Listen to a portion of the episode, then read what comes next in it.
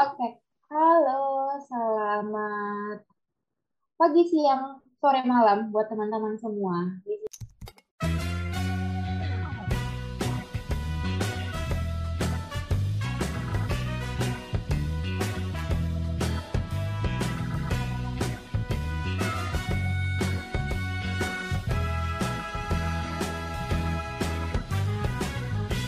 Selamat malam buat teman-teman semua. Kenalin di sini ada aku, Mona, uh, di dari Katap. Nah, sekarang kita ada bintang tamu nih ya. Ada bintang tamu yang ganteng, jomblo, dan Kenapa Anda harus mendeskripsikan yang kedua itu ya? Eh, tunggu dulu Bapak. Kita belum kita belum mengeluarkan siapa nih namanya ya, sabar. Oke, okay. uh, eh, dia ganteng, terus dia suaranya bagus, jomblo, dan semoga teman-teman setelah mendengar podcast ini bisa langsung cari nih siapa nama Instagramnya. Oke, silakan. Halo semuanya, uh, nama aku Inu. Ya, aku okay. juga sama dengan Mona dari Kartap juga. Uh, posisi aku di Kartap itu sebagai uh, CPO ya atau Chief People Officer. Jadi sebagai uh, manusia yang mengurusin SDM-nya Katap kurang lebih macam HRD-nya gitulah. Kayak gitu ya, Mon. Hmm. Perusahaan tidak boleh disebutkan ya, Mona ya. ya, kita di sini hanya boleh menyebutkan Kartap. Iya, gitu. Kartap saja. Mudah-mudahan Kartap jadi PT. Oh, amin, amin, amin. Mohon doa-doanya ya Robun ya. Ya Robun, mohon doa-doanya okay. nah uh, tadi udah kenalan ya ini narasumber kita uh, yang bakal sharing-sharing sama kita. Uh, tadi bilangnya dia di kakak itu ngurus SDM ya. Kita doakan saja semoga bisa mengurus belahan jiwanya segera mungkin gitu ya. Oke. Oke, teman-teman kali ini kita akan ngebahas terkait uh, work from office gitu ya. Uh, selama ini kan kita udah banyak banget topik-topik terkait work from home gitu ya. Nah sekarang kita coba nih uh, kembali ke tracknya, hakikatnya kalau kita kerja itu kan memang harus dari office gitu ya. Dan sekarang juga banyak perusahaan yang udah menerapkan kembali untuk WFO. Nah jadi kita akan sharing-sharing di sini terkait WFO dan se, se jenisnya gitu ya yang biasa kita lakukan di era tanda kutip normal kayak gitu. Oke, okay uh, sebelumnya nih ya uh, Kak Inu gitu Kak Inu uh, di kantor sekarang di kantor X udah mulai WFO atau gimana? Kalau di kantor aku sekarang uh, sudah mulai WFO. Ya walaupun masih ada yang hybrid, masih ada yang shift-shiftan, tapi semuanya udah pada WFO lah. Nggak ada yang WFH total. Semua departemen ya kak ya? Semua semua departemen udah udah mulai menerapkan WFO pelan-pelan sih kayaknya tahun depan juga udah pada WFO semua ya. Oke, okay. kalau boleh sejak kapan tuh kak mulai mulai WFO nih? Kalau nggak salah tuh kalau di departemen aku tuh WFO itu mulai uh, eh, ppkm level 2 kemarin ya bulan Oktober. Itu udah udah mulai berlaku shift-shiftan lagi. Pelan-pelan sih. Jadi mulai shift-shiftannya itu masuk enggak masuk enggak selama satu minggu. Terus waktu ppkm level 1 jadinya shift shiftannya setiap hari masuk tapi uh, pagi siang kayak gitu. Udah kayak rumah makan padang ya eh itu pagi sore pagi sore ya ampun. Eh, pagi kita sore. merek eh, nggak boleh. Aduh bayar ya pagi kali, sore ya. kali aja nanti kartas mau di endorse kan sama si PS iya. Oke oke. Oke. Tadi uh, bilangnya udah ini ya apa namanya um, udah ada shifting untuk dari segi jam gitu ya. Kita bilangnya jam kali ya gitu. Oke okay. nah kan uh, kak ini pernah juga nih ya waktu uh, zaman zaman awal pandemi itu diberlakukan WFH pernah full kan ya kak Ino ya? Nah yang kemarin Juni sampai September itu kami WFH full. Eh Juli deh Juli. Awal Juli sampai September. Tiga bulan itu. 2020 2021 ini kemarin. Oh oke. okay kan sempat level 4 tuh PPKM kemarin. Nah itu kami semua uh, udah WFH full. Hmm, departemen aku ya, departemen aku ya. Tapi kalau untuk kayak dealership karena aku kan uh, perusahaan kan bergerak dalam bidang otomotif. ya penjualan kayak gitu kan. Nah untuk yang dealership sih masih WFO dong. Ya nggak mungkin dong kita jualan mobil uh, orangnya tidak di situ gitu kan. Walaupun ada jualan virtual gitu, tapi ya overall sih beberapa kantor kami masih menerapkan WFO gitu bagi penjualan. Gitu. Hmm, oke, okay. oke. Okay. Nah, uh, oke okay, pernah full WFH dan sekarang udah mulai uh, WFO dan WFH gitu. Nah, boleh yeah. ceritain nggak kak, gimana nih, apa perubahan hidup yang terjadi nih? Itu lo kan full WFH ya, sempat ngerasain full WFH. Sekarang tuh yeah. udah campur, campur sari. Gimana nih perubahan hidupnya kak? Uh, perubahan hidupnya sebenarnya nggak berubah ya hidup saya ya, masih jomblo juga sampai sekarang. Masih miskin juga nggak bisa nabung. Kok jadi curhat sih? Enggak enggak enggak kalau perubahan sih uh, sebenarnya aku pribadi sih merasa berubah ke arah yang benar ketika WFH justru waktu WFO berubah jadi males gitu karena ah ngantor lagi gitu. Tapi ya memang apa namanya ketika mulai WFO lagi itu kegiatan kita yang selama ini uh, bisa kita atur secara fleksibel. Misalnya kan kalau kita WFA kan kita kan kerjanya kan udah nggak yang dari jam berapa sampai jam berapa, tergantung ya, tergantung perusahaannya. Kalau kayak tempatku itu fleksibel gitu. Jadi pokoknya setiap hari itu kami absen tapi manual. Jadi kami hanya um, report ke PIC HRD saja bahwa hari ini kami masuk gitu. Kecuali sakit gitu ya. Hari ini kami masuk, nggak nggak harus absen pakai jam dari jam berapa sampai jam berapa dan kerjanya fleksibel gitu. Jadi misalnya nih aku mulai kerjanya siang nggak apa-apa. Sampai selesainya malam jam 12 gitu it's okay gitu. Yang penting di report aja. Kan kita ada daily report kayak gitu. Nah semenjak WFO lagi ya mulai berubah lah hidupku.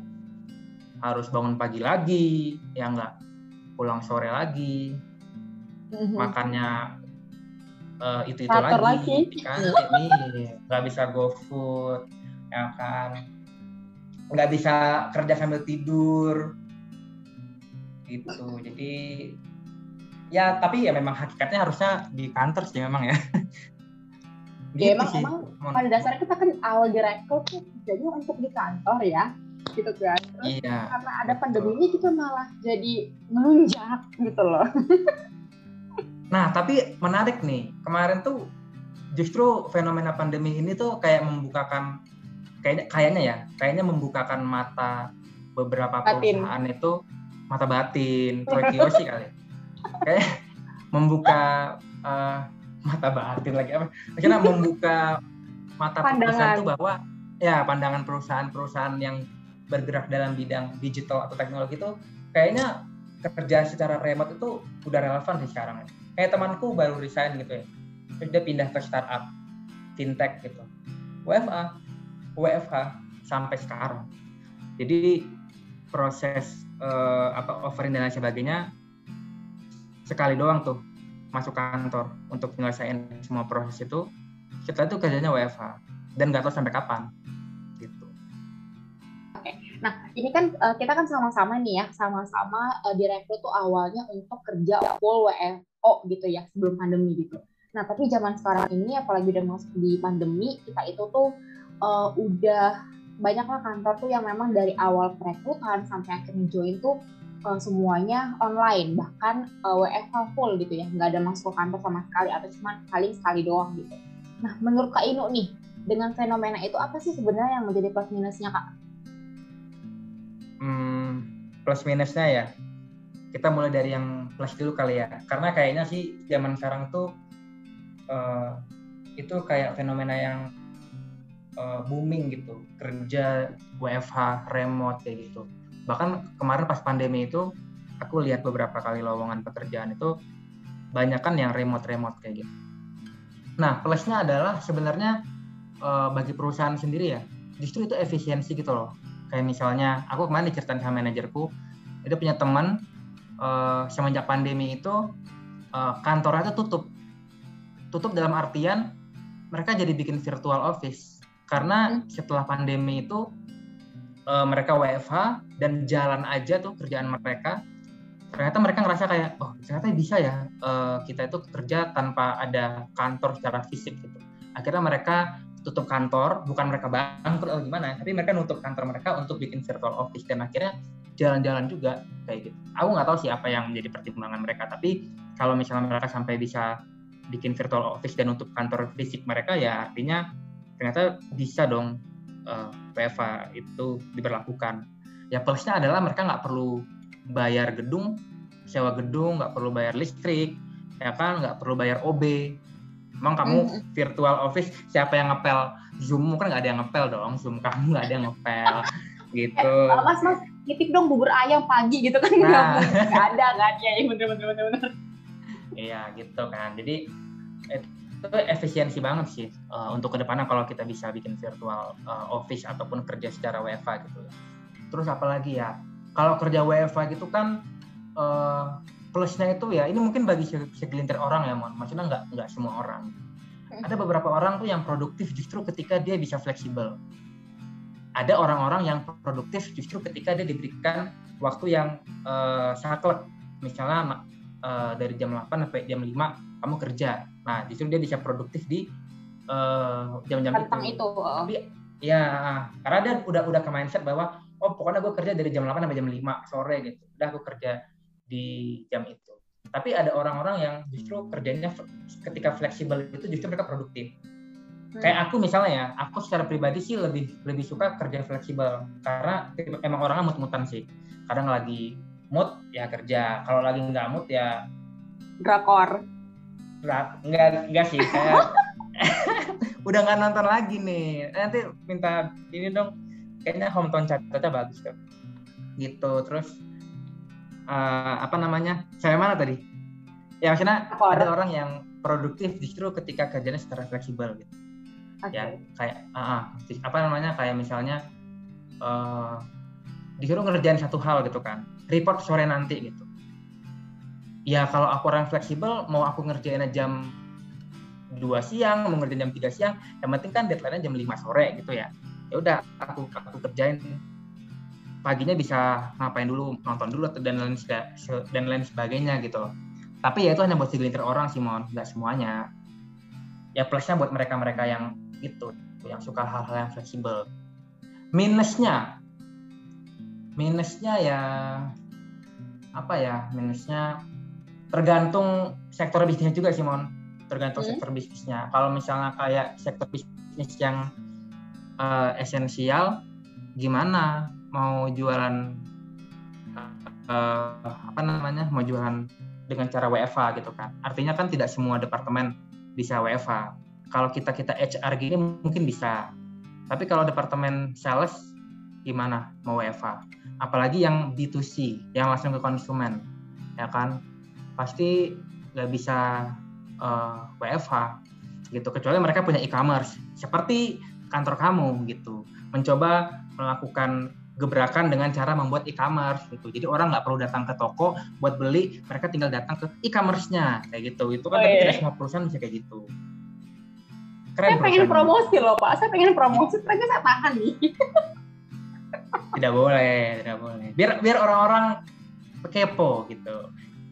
Kayak gitu ya, ya. jadi minusnya adalah untuk uh, minusnya untuk departemen yang dia itu langsung ke konsumen atau kayak bi bisnis to bisnis juga misalnya dia dia punya barang yang uh, apa barang supply kayak gitu ya gimana mau jualan kalau kerja WFH kan tetap harus ada yang deliver itu barang kan kayak gitu sih Oke, berarti sebenarnya uh, lebih lihat dari ini ya, uh, urgensi dari departemennya ya gitu. Karena ada ya. departemen yeah. yang memang malah lebih efektif nih kalau kita WFH gitu. Karena mungkin ya balik lagi pekerjaannya tuh berkelanjutan gitu kan ya. Jadi jam berapa yeah. pun lebih enak fleksibel. Tapi kalau yang punya target nih gitu ya, apalagi soal money-manian itu kan agak sulit nih ya hmm. kalau misalnya uh, dari jarak jauh dipantaunya gitu. Oke, okay, oke. Okay.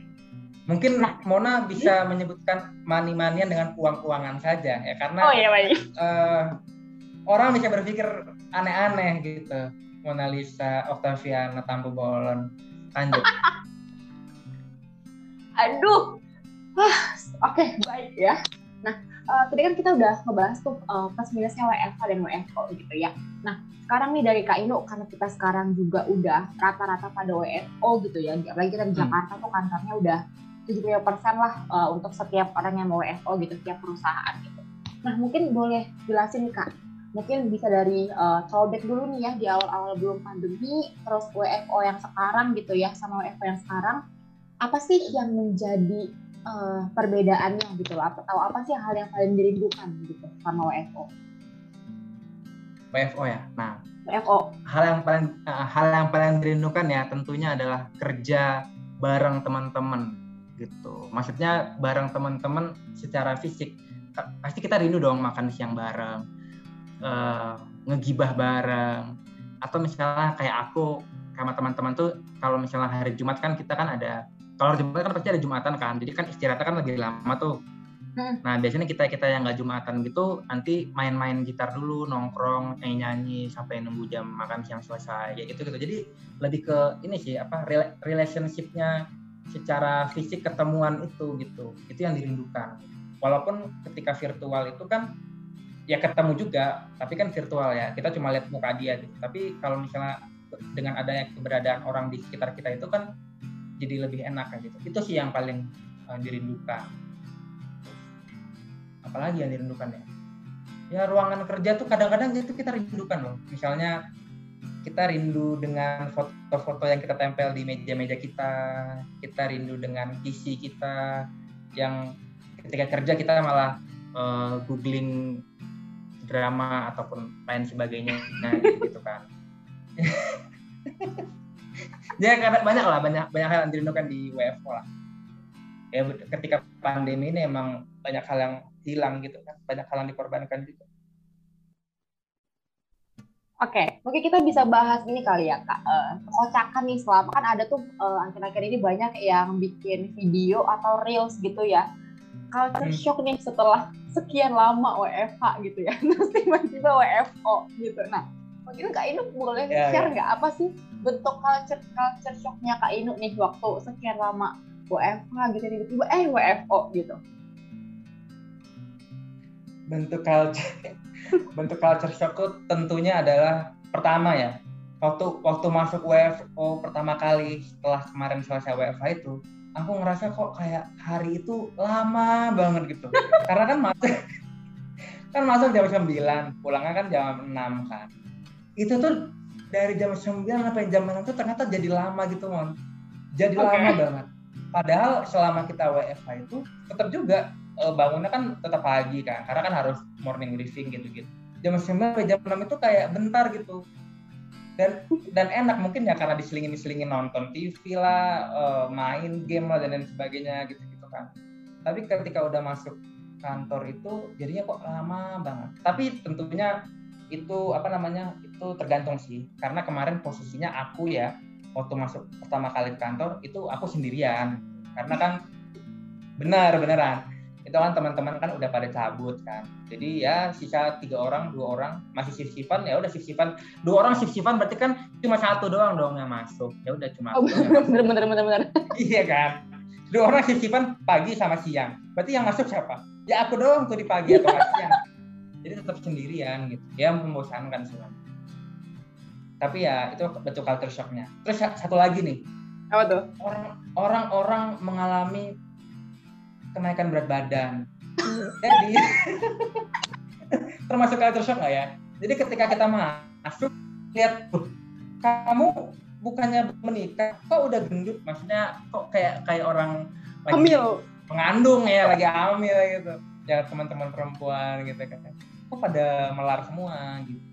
Kalau aku kebetulan justru ketika pandemi aku berusaha untuk olahraga rutin. Jadi sepertinya ada pengurangan berat badan tapi pemanjangan rambut sih kayaknya. Hmm. Oh ada pertanyaannya nih Kak Ino. Tadi kan uh, bilangnya tuh uh, apa namanya uh, apa ada pen, uh, penurunan berat badan gitu ya. Nah pertanyaannya adalah yeah. ada nggak yang nyadar kalau kurusan gitu? nggak ada sih karena aku aku ngerasa aja gitu. Aku nggak nimbang juga. Nggak nimbang nggak nimbang. Aku takut dengan timbangan.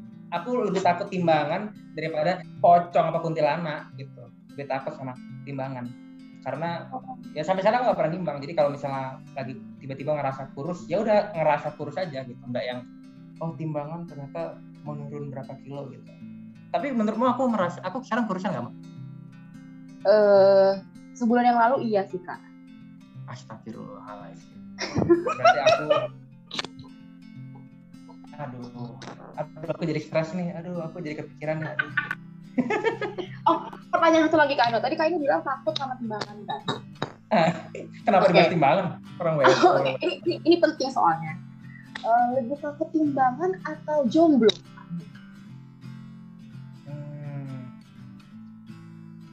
Teman-teman, ini ini ini oh oke. Okay. Tadi kalian agak ngelukis ternyata memang lagi mikir. Enggak, aku aku nggak takut jomblo sih, karena uh, apa? Aku jomblo sekarang karena aku memilih untuk jomblo Eh mantannya Kak Inu mungkin bisa ya didengar podcast ini. eh, maksudku aku nggak ngenes ya yang misalnya diputusin terus nggak ada pendapat enggak lah seperti itu. Memang memang lagi menikmati masa-masa sendiri. Kan kita butuh waktu untuk Q time dengan diri sendiri kan. Oke, benar-benar siap. Lagi sekarang udah mau udah masuk WFO, nanti ada karyawan baru. Hmm, udah. Nah, ya. ada karyawan ada karyawan baru mau di tempatku tapi umurnya 15 tahun lebih tua. Oh, oke. Okay. Jadi kan nggak bisa juga. Ya. Okay. Anak-anak yeah. boleh tuh. Eh. Aduh. Kenapa saya sebutkan? Eh, nah, enggak maksud nanti di nanti di TikTok maksud, bisa bisa. Maksud aku tuh teman-teman kamu yang anak-anak apa? itu loh kayak Areta, Rahel gitu. Kenapa disebut juga namanya? Tidak apa-apa. Tapi tolong dikat ya. Oke, nanti dikat ya. Oke. Nah, tadi kan udah bahas tuh ya terkait uh, jomblo ataupun timbangan gitu. jadi ke sana hmm. fokusnya nih Pak. Ini mohon maaf nih. Oke. Nah, uh, tadi udah bahas juga terkait um... Ah, mantap. Oke. Nah, tadi kan udah bahas juga tuh terkait um, gimana culture shock-nya gitu ya. Nah, terus yang jadi pertanyaannya adalah uh, menurut Kak Ino sendiri gitu ya. Tadi kan udah ngebahas, oke okay, ada sebenarnya efektif sih, mohon ada yang mau Eva, ada yang mau FO. Tapi menurut Kak Ino ya dari generalnya gitu, penting nggak sih kalau kita itu tuh WFO? At least datang ke kantor gitu loh untuk untuk uh, kerja, untuk koordinasi secara langsung gitu, nggak virtual gitu. Nah, sebenarnya apa penting atau nggak penting itu tergantung uh, kebutuhannya Simon. Ya artinya kalau memang uh, gini, ini kan kita kan harus punya mindset bahwa ini kan kita masih dalam situasi pandemi ya. Kita nggak hmm. kita nggak boleh langsung uh, menyatakan bahwa ini pandemi udah selesai. Terus orang-orang pada WFO terus pandemi udah kelar belum? Karena toh kalau kita lihat kasus tuh ternyata malah meningkat beberapa hari yang lalu. Artinya mindset kita tuh harusnya pandemi itu masih ada. Nah, kalau misalnya dibilang penting atau enggak WFO itu, ya harus lihat kebutuhannya dulu gitu. Kalau misalnya sebenarnya hal itu nggak penting-penting banget untuk datang ke kantor dan bisa dilaksanakan secara uh, virtual ataupun uh, nggak perlu ke kantor di rumah aja, menurutku ya dengan mindset bahwa masih ada pandemi kita harus berjaga diri, mending nggak usah ke kantor gitu. Artinya gini mon, kalau misalnya kita ke kantor untuk mengerjakan sesuatu yang sebenarnya bisa dikerjakan di rumah, sebenarnya nggak perlu. Menurut aku pribadi ya, sebenarnya nggak hmm. perlu gitu. Kalau ke kantor hanya untuk absensi doang, kemudian untuk memberikan kita uang transport dan uang makan, menurut aku nggak usah gitu. Kalau memang tidak terlalu butuh, kecuali memang ada apa sirkulasi ataupun koordinasi yang memang dibutuhkan di kantor, misalnya kayak uh, apa uh, sirkulasi dokumen yang memang dokumennya itu fisik ya harus ditandatangani tanda tangan tanda tangan basah nggak nggak boleh desain kayak gitu. Ya mungkin ya bisa dipertimbangkan. Aku beberapa kali juga karena kosan aku kan di belakang kantor persis eh nggak nggak persis sih belakang kantor parkiran dong. Akhirnya ya di belakang kantor gitu. Jadi kalau misalnya ada permintaan dari sekretarisnya direktur gitu tolong nih dokumen disirkulasikan. Ya aku tetap datang ke kantor. Nah maksudku kayak gitu. Datang ke kantor itu memang ketika kebutuhannya urgent gitu. Kalau lagi nggak terlalu butuh ya karena ini masih pandemi gitu ya mending sih nggak usah. Kecuali memang sudah sudah bener-bener aman kayak gitu ya walaupun aku aku pun ngerasa pandemi itu nggak akan yang benar-benar selesai gitu. Tetap kita akan apa hidup bareng dengan pandemi itu. Tapi ya meminimalisir lah kayak gitu. Oke okay, oke. Okay. oke. Okay. kayaknya uh, per, pernyataanku terlalu terlalu mengarah ke enaknya WFA gitu ya. Emang aku anak WFA banget.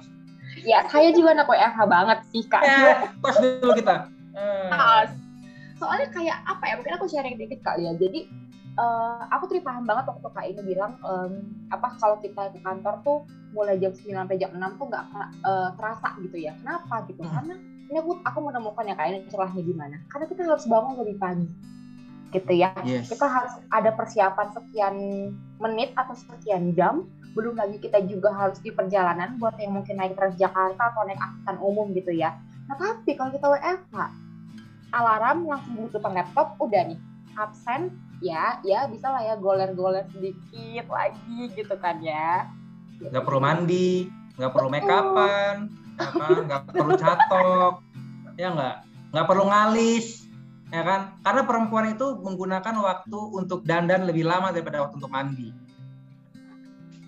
Ya benar. Jadi itu. semangat ya teman-teman cewek yang sana yang harus bangun jam 6 pagi kan harus catokan harus bedakan gitu ya untuk fresh nih nyampe di kantor gitu oke okay. Nah, Kak Ino mungkin kita udah sampai nih ya di ujung topik kita, di ujung pembicaraan kita kali ini. Apa sudah ya? selesai? Ya ampun. Iya. Cepat sekali.